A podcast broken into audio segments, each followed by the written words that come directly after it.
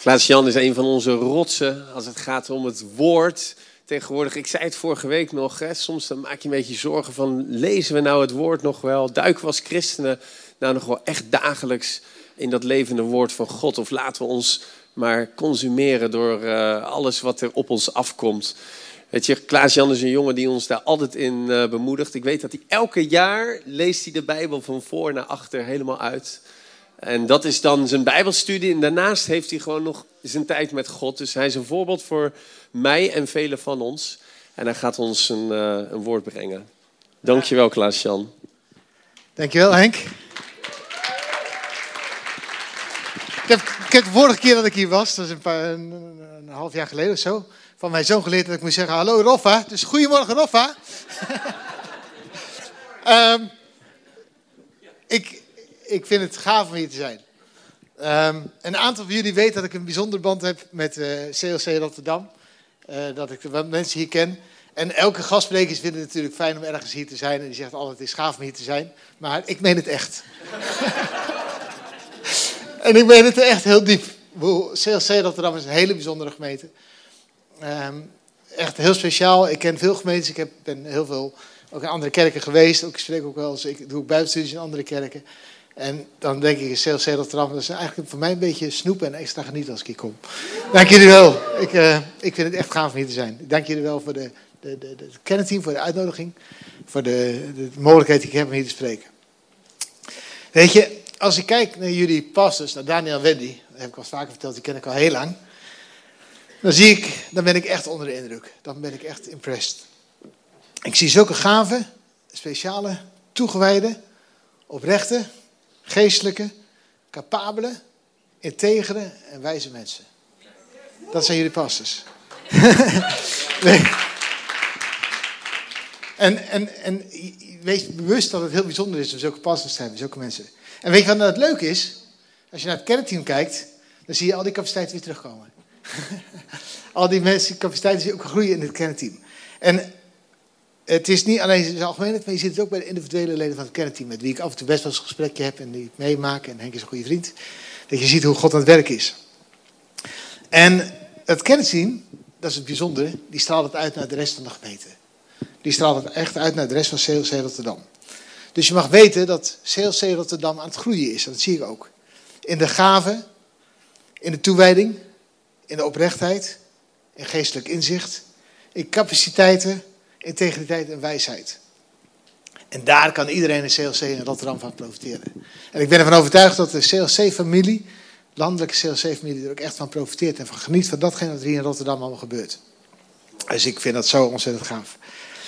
Um, Wendy zei net, van joh, misschien kan ik Jan iets vertellen over de Bijbelstudie.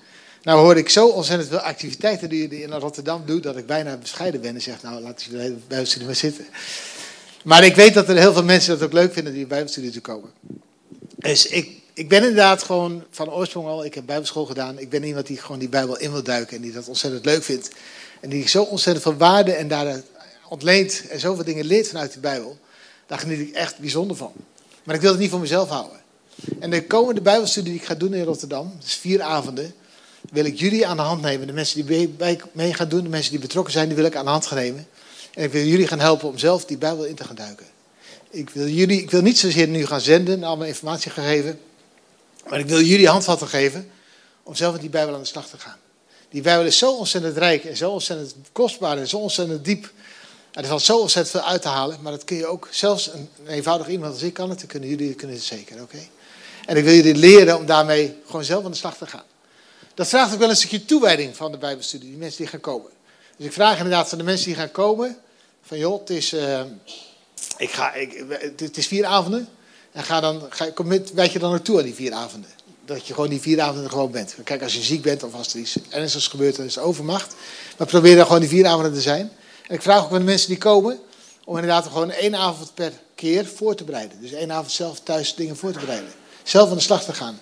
Ik ga jullie tools geven, ik ga jullie mogelijkheden geven en kansen geven om mee aan de slag te gaan. Maar als je daarmee wilt leren omgaan, moet je het ook gaan gebruiken. Ik kan je wel vertellen hoe een hamer eruit ziet en hoe een hamer werkt en functioneert. Maar als je niet zelf gaat timmeren, dan ga je nooit leren hoe je een hamer moet gebruiken. En dat is dus de insteek van wat ik wil doen met jullie, met de mensen die willen komen naar die Bijbelstudiegroep. Gewoon jullie de tools geven, En dan een keer erop wil ik met elkaar lezen en leren en zien wat we daarvan geleerd hebben. Want als jullie de tools gaan gebruiken, dan gaan jullie de andere mensen, en vooral mijzelf, ook echt bemoedigen met wat jullie gedaan hebben, hoe jullie erin zitten. Dus vier avonden Bijbelstudies. Als ik hier ben in Rotterdam, en als ik hier uh, kijk, dan geniet ik hiervan. Uh, maar toch weet ik dat het ook niet altijd vanzelf gaat. Het leven, we hebben allemaal onze bobbels, we hebben allemaal onze uitdagingen. Dat geldt voor mij ook. Maar als ik kijk naar hier in Rotterdam, dan zie ik CLC op een hele bijzondere locatie. Midden in het centrum. Heel actief, betrokken en echt op een hele bijzondere manier uitstralen naar datgene wat er gebeurt in Rotterdam. Ik heb even wat cijfers opgezocht over Rotterdam. Ik ben benieuwd. Ik denk dat jullie een heleboel dingen wel zullen weten, maar voor mij was het nieuws. Rotterdam kent op het ogenblik ongeveer 630.000 inwoners. 630.000 inwoners. Weet een van jullie hoeveel christelijke kerken ik ongeveer zijn? Ik heb even een snelle inventarisatie gemaakt. Veel. 265. 265 christelijke kerken in Den Haag. Of in Rotterdam. Oeps. Den Haag, Den Haag mocht wensen, overigens, Den Haag mocht wensen dat ze ook zoveel kerken hadden. Den Haag die heeft lang niet zoveel. Die heeft, er komt er iets van 115 of zo. 265 kerken in Rotterdam. Als ik nou even snel ga rekenen. 63.000 mensen. 630.000 mensen. 265 kerken. Dat wil zeggen, als die kerken, die 265 kerken, nog niet gemiddeld, gemiddeld, let op, 2400 leden hebben, is er nog heel veel te doen in Rotterdam. Ja? 2400 leden per 265 kerken, dan is Rotterdam bereikt. En daar zitten we nog lang niet. Gemiddeld, dus van die 265 kerken, 2400 leden. Dus jullie hebben een heleboel te doen. Er is nog heel veel werk te doen, er is nog heel veel te bereiken. En er is heel veel kans en mogelijkheid. En ik ben ervan overtuigd dat God met Rotterdam, met CLC Rotterdam aan de slag wil. En dat er een hele mooie roeping ligt op jullie plek. Een hele mooie roeping ligt op jullie gemeente om juist daar Rotterdam te gaan bereiken. Rotterdam is vruchtbare grond, je niet. Ik heb nog eens een beetje nagedacht en verder gezocht naar de christelijke wortels. En een van de grote mannen in christelijk opzicht die heel veel heeft betekend voor Nederland. En heel veel heeft gedaan voor uh, de evangelische beweging in eerste instantie. En uiteindelijk ook de charismatische beweging in Nederland. En daar een basis heeft gelegd waarop Nederland gegroeid heeft en kunnen ontwikkelen. Is Johannes de Heer. En die kwam uit Rotterdam. Als je gaat nadenken over de eerste evangelische boeken, liedbundel die ooit gemaakt is, na de psalmen en die er ooit waren in de gezangen, dat was van Johannes de Heer. En die heeft de basis gelegd voor een hele grote beweging, opwekking, een evangelische beweging, een, een, ontwikkeling van de gemeente in Nederland, wat ze uitstraling heeft gehad in heel Nederland. En die man was afkomstig uit Rotterdam. Met zijn honderden, met zijn liedboek met honderden nummers. Ze waren niet altijd even muzikaal technisch geweldig, zeg maar. Uh, ze waren soms meer enthousiast als dat ze goed qua Nederlands rijmden en zo, dat soort toestanden. Maar zijn passie, zijn verlangen voor het koninkrijk van God, die was zo sterk. En hij heeft in dat opzicht een omkeer gebracht in Nederland. Een omkeer. Hij heeft echt hij heeft aan de wieg gestaan van de evangelische beweging in Nederland. Dat was in Rotterdam. En ik dacht van, nou, dat is zo belangrijk. En dat is zo mooi. Er zo, zoveel mogelijkheden. Maar als je gaat nadenken over wat Waar sta je voor en waar ben je mee bezig en wat is nou belangrijk? Toen heb ik nagedacht over belangrijke essenties van het christelijk geloof. En ik heb deze preek thema gegeven. Uh, Wendy begon er ook over, die zei er iets over. We staan op twee benen. Uh, Wendy wist het niet van mij en ik wist niet dat Wendy dat zou zeggen. Maar de preek heette op twee benen. op één been kun je niet staan. Wel een tijdje, maar ik ben zelf ook niet stabiel. En bewegen gaat heel lastig. Ik... ik kan zelf niet zo goed winkelen. Maar als je wilt bewegen en één been vast heeft staan, dan kom je hooguit. Blijf een beetje rondje draaien op je eigen plek. Maar wil je gaan bewegen, dan moet je op twee benen bewegen. En dan kun je ook snel gaan bewegen. En er zijn twee benen die ik vanmorgen met jullie elkaar willen bespreken. Dus vandaar die thema van die preek, op twee benen. En het eerste, een van die aspecten van het christelijk geloof, een van die benen, is natuurlijk Jezus Christus, de Zoon van God. Het eerste been. In de afgelopen maanden ben ik in Den Haag bezig geweest. En dat ga ik dus ook de komende maanden, in de komende weken in Rotterdam doen. Met een bijbelstudie. En dat was aan de hand van het Johannesevangelie. En ik weet niet van jullie, wie van jullie het Johannesevangelie goed kent en echt wel eens uitgebreid geanalyseerd heeft en de diepte erin gedoken heeft, zoals we dat gaan doen tijdens de cursus. Maar het Evangelie gaat heel erg over wie Christus is. Christus, Christus, Christus, Christus. Alles over wie Jezus is, wat hij heeft gedaan, wat hij heeft betekend, wat het, de impact van ons is. Um, um, alle ik ben teksten, ik ben de weg en het water en het leven, ik ben het levende woord, ik ben de, de waarheid. Al die teksten, dus allemaal Johannes Evangelie. Johannes Evangelie is continu die focus op wie is Jezus. En dat zegt hij ook, Johannes, dus de, de discipel die dat boek geschreven heeft, die zegt aan het eind van zijn boek ook, dit is je beschreven opdat je gelooft dat Jezus Christus is, de Zoon van God, en opdat u door te geloven het leven zult hebben in zijn naam. Dus de Johannes-evangelie is er geschreven, zodat jullie, stuk voor stuk, net zoals ik, gaan geloven dat Jezus Christus de Christus is, de Zoon van God. En als jullie dat geloven, dan zullen het leven hebben in zijn naam. Jezus is degene die, uh, dat je dat gaat geloven. Hij spreekt over Jezus de Christus. Dus de Christus is de gezalfde, de Messia. De Messias, zoals hij in het Oude Testament gesproken heeft. Dat is de ene kant die hij benadert. Van Jezus was de Messias, de beloofde Messias die in het Oude Testament gegeven wordt. En aan de andere kant benadrukt hij hier ook. Dit is Jezus, de Zoon van God. De Messias, de Zoon van God. En dat zijn de aspecten die zo ontzettend belangrijk zijn. De verwachte Messias door de Joden, maar ook de Zoon van God. En iemand zei ooit eens, en dan moet je dat begrijpen met respect. Hè? Ik, bedoel, ik, bedoel, ik het heel grappig over doen en zo. Maar iemand zei ooit eens een keer, God heeft een selfie gemaakt. En die selfie, dat is Jezus. Als je gaat kijken naar Jezus, God die de selfie maakt van zichzelf, en gaat kijken naar Jezus, dan is het mooie dat Jezus naar de aarde is gekomen. En dat Jezus gewoon vlees en bloed was. En dat hij als mens was onder de mensen. En dat hij gewoon allerlei dingen uitgelegd heeft en gezegd, gesproken heeft en gezegd heeft. Waardoor je in staat bent, om als je Jezus gaat bestuderen, om God te leren kennen. Um, we lazen net het einde van het boek. Want Johannes zei net van, uh, dit heb ik geschreven opdat je gelooft dat Jezus de Zoon van God is. De, zo, de, de, de, de Christus, de Messias.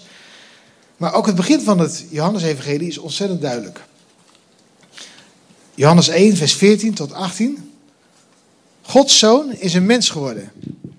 Hij heeft bij ons gewoond. In, hebben wij, in hem hebben wij Gods hemelse macht gezien. Hij is Gods enige zoon, die bij de Vader vandaan gekomen is. In hem waren Gods liefde en vertrouwen volledig aanwezig. God is goed voor ons, telkens weer.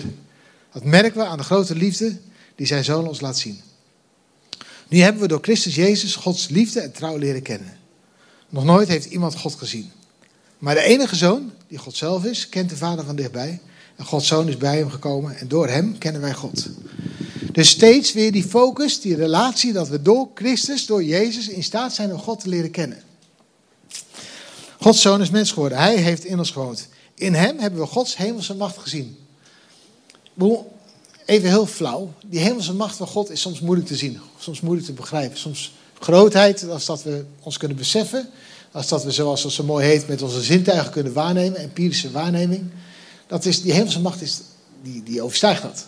Die gaat er ver bovenuit. En wij zegt dan de Johannes-evangelie. Dat, dat Johannes, de discipel, die zegt...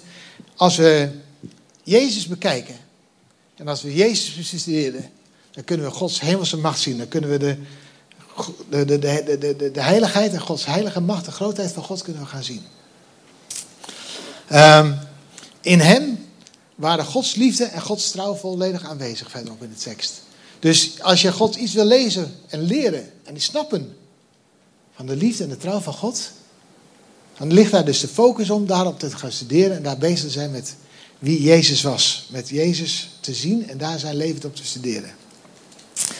Um, we hebben door Jezus Gods liefde en trouw leren kennen. Door Hem hebben we de liefde en trouw van God leren kennen. Nooit heeft iemand God gezien. De, de, de, door, door, maar het laatste vers, door Hem kennen wij God. Door Jezus zijn wij in staat om God te gaan leren kennen. Dus als we gaan praten over de essentie van het evangelie, is die persoon van Jezus zo ontzettend belangrijk. En dan kun je zeggen, nou Klaas-Jan, leuk en aardig, dat weten we al lang en fijn, en dat, soort zaken. Maar ik ben me bewust voor mezelf en ik denk dat het ook voor jullie geldt, dat we nog, soms nog heel erg tekortschieten in datgene waar we snappen wie Jezus is. En dat we daardoor ook tekortschieten in datgene waar we snappen wie God werkelijk is. En daarom is het zo belangrijk om die essentie, dat ene been waar ik het over heb, het niet over twee benen, maar het is één been, om na te denken over wie Jezus is. En daar als kerk, als CLC Den Rotterdam, met elkaar mee bezig te zijn. Met elkaar te zoeken En Jezus beter te leren kennen. Ehm, ehm, het, is, het is belangrijk om na te denken wie we zijn als gemeente. Het is belangrijk om na te denken over wie we zijn als doel van de gemeente. Uh, het is belangrijk om na te denken over hoe we de wereld willen bereiken. Al die aspecten zijn belangrijk. Maar daarnaast zijn we ons eigenlijk wel als de gemeente en als individuele leden bewust van de persoon van wie Jezus werkelijk was. En ik denk dat we daar nog in kunnen ontwikkelen en daarin kunnen leren. Uh, Henk en ik zijn goede vrienden. Dat zal zo langzamerhand duidelijk zijn, denk ik, voor velen. En als we elkaar ontmoeten, hebben we goede gesprekken. En dan hebben we hele goede mannengesprekken.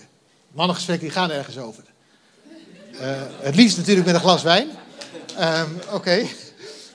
Heb ik dat gezegd? Ja, hè? maar goed. en dan praten we over wat we meemaken. En wat we ervaren en wat we doen. Dan praten we over CLC. Dan praten we over ons gezin. Maar soms gaan er avonden voorbij dat de naam van Jezus nauwelijks over onze lippen is gekomen. Snap je wat ik bedoel? Dat is dat punt waar we misschien toch iets aandacht aan moeten schikken. Waar we zo ontzettend veel nadenken over al die andere aspecten. Maar als we Jezus gaan zien, zoals de Johannes-evangelist dat schrijft, dan hebben we de selfie van God. En dan gaan we echt snappen wie God is. Dan gaan we beter snappen datgene wat Hij wil voor ons leven. Maar los van alles wat Hij wil voor ons leven, dan gaan we ook snappen de grootheid en de majesteit en de goddelijkheid en de almacht en de allemaal aanwezigheid, de, de, de alkracht van God. En dat is alleen maar door Jezus. Het is zo makkelijk om daar, dan kun je zeggen van ja, ik ken hem al, maar het is zo makkelijk er voorbij te gaan. Maar als we Jezus gaan zien, dan gaan we echt snappen dat, uh, dat, dat, dat, dat, dan gaan we dan snappen, we gaan snappen dat God zoon een mens is geworden. Dat hij bij ons heeft gewoond. Dat we Gods hemelse macht hebben gezien. Dat we de, uh, de, de, de, de, de zoon van God zien. Die de, de liefde van de Vader laat zien. Die trouw en liefde die aanwezig waren. Dat we daardoor in staat zijn om echt God te gaan leren kennen. En dat is met alle respect. Ik ben Rotterdam, CLC Rotterdam een geweldige gemeente. Maar dat we daardoor God beter mogen gaan leren kennen. En nog beter gaan mogen leren kennen als dat nu het geval is. Um, misschien zitten er nou wel mensen in, die, uh, in de zaal. En ik, ken jullie allemaal niet persoonlijk. Die zich afvragen waar ze in vredesnaam terecht zijn gekomen. Ik bedoel, die worship en dat soort zaken is anders dan je verwacht had. Of misschien zijn er mensen in de zaal die hier al een tijdje komen. Maar nog nooit hun leven aan God hebben toegewijd. Uh, en dan lijkt het misschien wel alsof God een vaag, een abstract, een, een onduidelijk begrip is. Maar niets is minder waar. Weet je, de persoon Jezus, uh, die heeft feitelijk bestaan. Er is meer archeologisch bewijs, geschiedkundig bewijs voor Jezus Christus en het feit dat hij is opgestaan, dan dat het bewijs is voor het feit dat Julius Caesar heeft bestaan. Dus de feitelijkheid van Jezus Christus kun je niet omheen. Dat is gewoon een feit. Dat is een geschiedkundig feit. Dat hij is gestorven en opgestaan is een feit. En als je misschien al een tijdje meedraait en het allemaal nog niet zo goed weet en God niet zoveel snapt en God een beetje weer weg lijkt en God een beetje abstract is en ongrijpbaar, dan moet je eens gaan kijken naar Jezus. En ik ben ervan overtuigd, als je dan denkt aan datgene wat Jezus gedaan heeft en de verhalen van Jezus kent, dan ga je in ontzag zijn en respecteren datgene wie God is. En voor de mensen die er wat langer komen, dit is een volgende tekst, Colossense 2, vers 9 en 10. Christus heerst over alles en iedereen. In hem was Gods kracht volledig aanwezig op aarde. En die kracht is jullie ook volledig in jullie aanwezig, omdat jullie bij Christus horen. En ik spreek even naar de mensen die wat langer komen. Ik spreek ook naar mezelf. Gods kracht van wat Jezus deed, was volledig op aanwezig op aarde. Gods kracht was volledig aanwezig op aarde in datgene wat Jezus deed. De grootheid, de majesteit, die scheppingskracht, de grootheid van alles wie God was, dat was aanwezig op aarde in de persoon van Jezus Christus. En nou voor jullie, en die kracht, Gods kracht, is ook volledig in jullie en in jou en jou en jou en jou, bij jullie allemaal stuk voor stuk, zelfs bij mij, aanwezig. En dat is zo belangrijk. Als we dan een gesprek hebben, dan moeten we ons, Henk en ik moeten ons gaan focussen op Jezus. Dan moeten we gaan snappen wat Jezus gedaan heeft. Dan moeten we gaan snappen op datgene wie Jezus is. En zijn wonderen en zijn kracht, goddelijke kracht, die volledig aanwezig was in Jezus. En als we dat gaan doen, dan gaan we ook snappen dat Gods volledige kracht door ons heen kan werken. En dan kunnen we dat opzicht gewoon uitgaan en kunnen we grote dingen doen. Veel meer dingen doen. Weet je, dat is dat ene been. En dat het ene been kom je niet vooruit. Ik zeg, als je dat ene been stilstaat en je laat bewegen, dan is je bereikbaarheid is niet zo heel groot. En je komt nergens. En wil je gaan bewegen en wil je snel gaan bewegen, dan moet je met twee benen gaan praten. En deze preek heeft er ook een thema op twee benen. En de andere belangrijke essentie is de gemeente, het huis van God. Die gemeente is zo'n ontzettend belangrijk instituut. Bijzonder is natuurlijk dat de kerk gebouwd is op de waarheid die werd uitgesproken over de identiteit van Jezus. Laten we een stukje er even bij pakken. Matthäus 16, vers 13 tot 19. Die kerk werd gebouwd op datgene wat iemand uitsprak. Op datgene wat iemand zei. Op datgene wat iemand geloofde en met overtuiging uitsprak. Jezus vroeg, ik maak veel gebruik van de Bijbel in gewone taal, BGT. Is een hele mooie vertaling. Jezus vroeg aan de leerlingen, wat zeggen de mensen over mij, de mensenzoon? En de leerlingen antwoorden, sommigen zeggen dat u Jezus, Johannes de Doper bent. Anderen zeggen dat u Elia bent. En weer anderen zeggen dat u Jeremia bent, of een andere profeet van vroeger. Toen zei Jezus, en wie ben ik volgens jullie? En Petrus antwoordde, hij zei, u bent de Messias, de zoon van de levende God. En Jezus zei tegen Petrus, dat heb je niet gehoord van de mens, maar van mijn vader in de hemel. Daarom ben je gelukkig met Simon, zoon van Jona. En ik zeg je, Petrus, jij bent de Petrus, de rots. Op die rots zal ik mijn kerk bouwen. Mijn kerk zal er zijn zolang de wereld bestaat. En jou geeft de sleutels van de poort naar de nieuwe wereld. Petrus, die zegt van Jezus Christus, u bent de zoon van de levende God. Hij beleidt dus precies datgene wat ook Johannes in het begin van, het, van die evangelie zegt over de Messias. U bent de Messias, de zoon van de levende God. Dus gezalfde en de zoon van de levende God. De Messias die verwacht hadden. Die overtuiging. En dan, op dat basis van die overtuiging, wat we net het ene been hebben gehad, daar wordt de kerk als instituut bijna neergezet. Weet je, ik weet heus wel, ik weet heus wel, en ik draai jarenlang mee in allerlei kerken en gemeentes, dat die kerk niet altijd volmaakt is. Ik weet heus wel dat de kerk in de kerkgeschiedenis dramatische keuzes heeft gemaakt. Als we praten over vervolging van de Joden en over andere aspecten, heeft de kerk het fout gedaan. Als kerk hebben we gewoon geen volmaakte kerk. De gemeente is niet perfect. Dat ben ik met je eens. En mensen die mij beter kennen, die weten dat ik heb geworsteld met de kerk. Ik heb geworsteld met het feit dat ik zoveel dingen verkeerd zou gaan. En dingen die ik niet snapte en dingen die ik begreep. En dat ik bijna geen andere mensen durfde te vertellen dat ik christen was. Niet omdat ik me schaamde, maar omdat ik zag dat er in de kerk ook dingen misgaan. En zoveel mensen beschadigd waren. En ik heb ermee geworsteld met God. Ik ben er met God mee bezig geweest en God heeft me twee dingen geopenbaard. Ik kan te veel kijken naar datgene wat mis is gegaan. Ik kan alleen maar focussen op datgene wat mis is, dat gaat mis, dat gaat mis. Ik kan ook al focussen op de dingen die goed zijn. En de dingen die goed gebeuren. En de zegen die de kerk is voor de wereld. En het andere aspect is, we hebben net gelezen, dat Jezus die kerk zelf opricht en zelf institutionaliseert. Dus dat hij zelf die kerk bericht. Die kerk is een model zoals het in de Bijbel geworden is en zoals God het bedoeld heeft. Die kerk staat als instituut op het getuigenis van Jezus over de, wie Jezus was. Die kerk is en dat zit geworteld en gebouwd en die is gewoon de realiteit waar God mee wil werken. En als dat de realiteit is waar God mee werkt en waar God mee dealt, nou dan ga ik er ook mee dealen. Wie ben ik dan om dat te zeggen, ik ga wat anders doen. Die kerk is zo belangrijk. Die kerk is door, door Jezus zelf neergezet. Dat is op, op het getuigenis van Petrus gebouwd. En als die kerk een instituut is waar de Bijbel bij deelt, en waar de Bijbel zegt, vandaag ga je mee, uit de voeten, dan ga ik op die manier organiseer ik het, dan ga ik, er mee, ga ik er actief in deelnemen. En vanaf het moment dat ik dat wist, heb ik me altijd echt ingezet voor de kerk. Omdat ik weet dat het Gods model is waar ik me ingezet. En waar ik echt, ik, niet alleen ik, maar we met elkaar, echt met elkaar actief gaan deelnemen. Ik vind het geweldig om de activiteiten te zien van CLC Rotterdam. Al die activiteiten en al die dingen die georganiseerd worden. Allemaal met de bedoeling om God beter te gaan leren kennen. Om God beter te, te, snappen. En dan daaruit, weet je wel, die 2400 leden per kerk waar we het net over hadden. Daar zijn we nog lang niet. Maar we willen wel, met, we willen wel die wereld bereiken. En we willen mensen toerusten. We willen mensen helpen, bouwen en ondersteunen. Um, en dus daarom is het zo belangrijk, die, die kerk is het andere been. Net hadden we het over Jezus en die andere been is die gemeente. Die zo ontzettend belangrijk is als essentie van het christelijk geloof. De volgende tekst die ik wil lezen is dan Hebreeën 10, vers 24. Laten we elkaar moed inspreken, zodat we van elkaar blijven houden en goede dingen blijven doen. Blijf ook naar de kerk komen. Sommigen van jullie doen dat niet meer en dat is verkeerd. We moeten elkaar steunen, juist nu. Want die dag komt dichtbij waarop God gaat rechtspreken over de wereld. Weet je, heel eerlijk. Ik heb het af en toe nodig dat ik moed ingesproken moet worden. We hebben het allemaal nodig om af en toe elkaar moed in te spreken. We gaan allemaal, zoals Wendy het ook zei, we gaan allemaal door periodes heen, door fases heen waar het niet makkelijk is.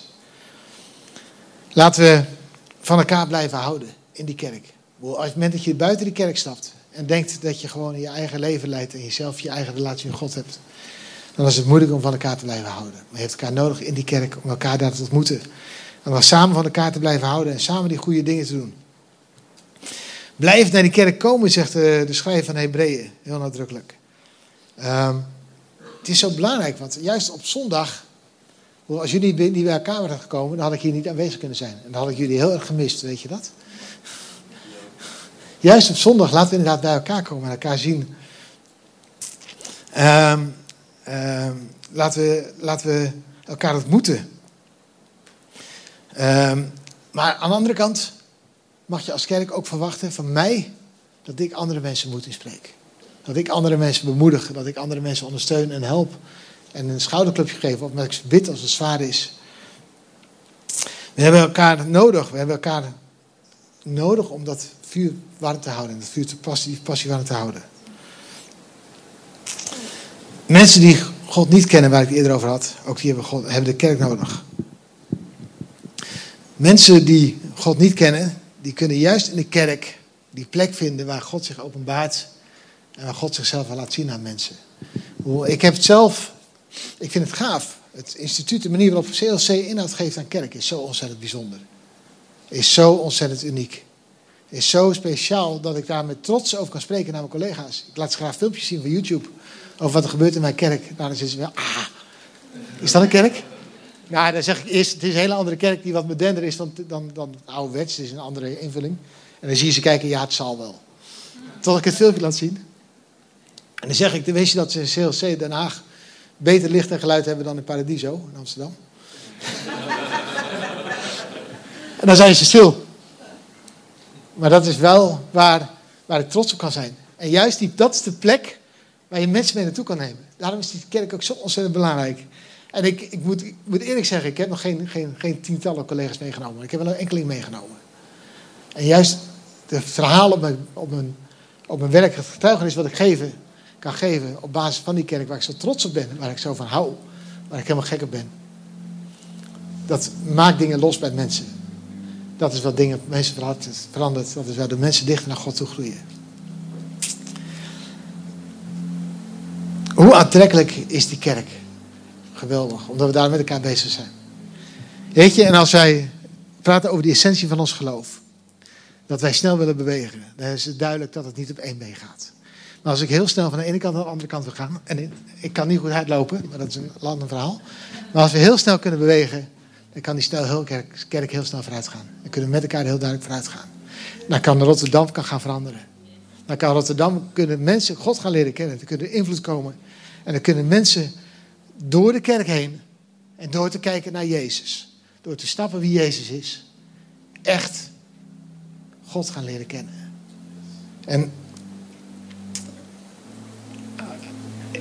hoop dat je als christen, dat je als leden van deze kerk, dat deze essentie, dat het echt snapt, dat je duidelijk tot je neemt en dat je ermee aan de slag gaat. En dat je, dat je passie zal zijn de komende weken, dat je er wat mee doet. Dan sta je op twee benen, dan sta je niet alleen.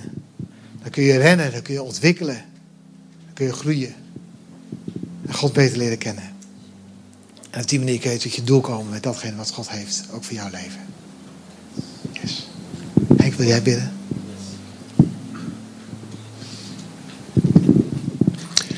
Ja, laten we bidden dat het woord echt in onze harten gaat, uh, gaat vallen. En wil ik worship team ook vragen om naar voren te komen. Vader God.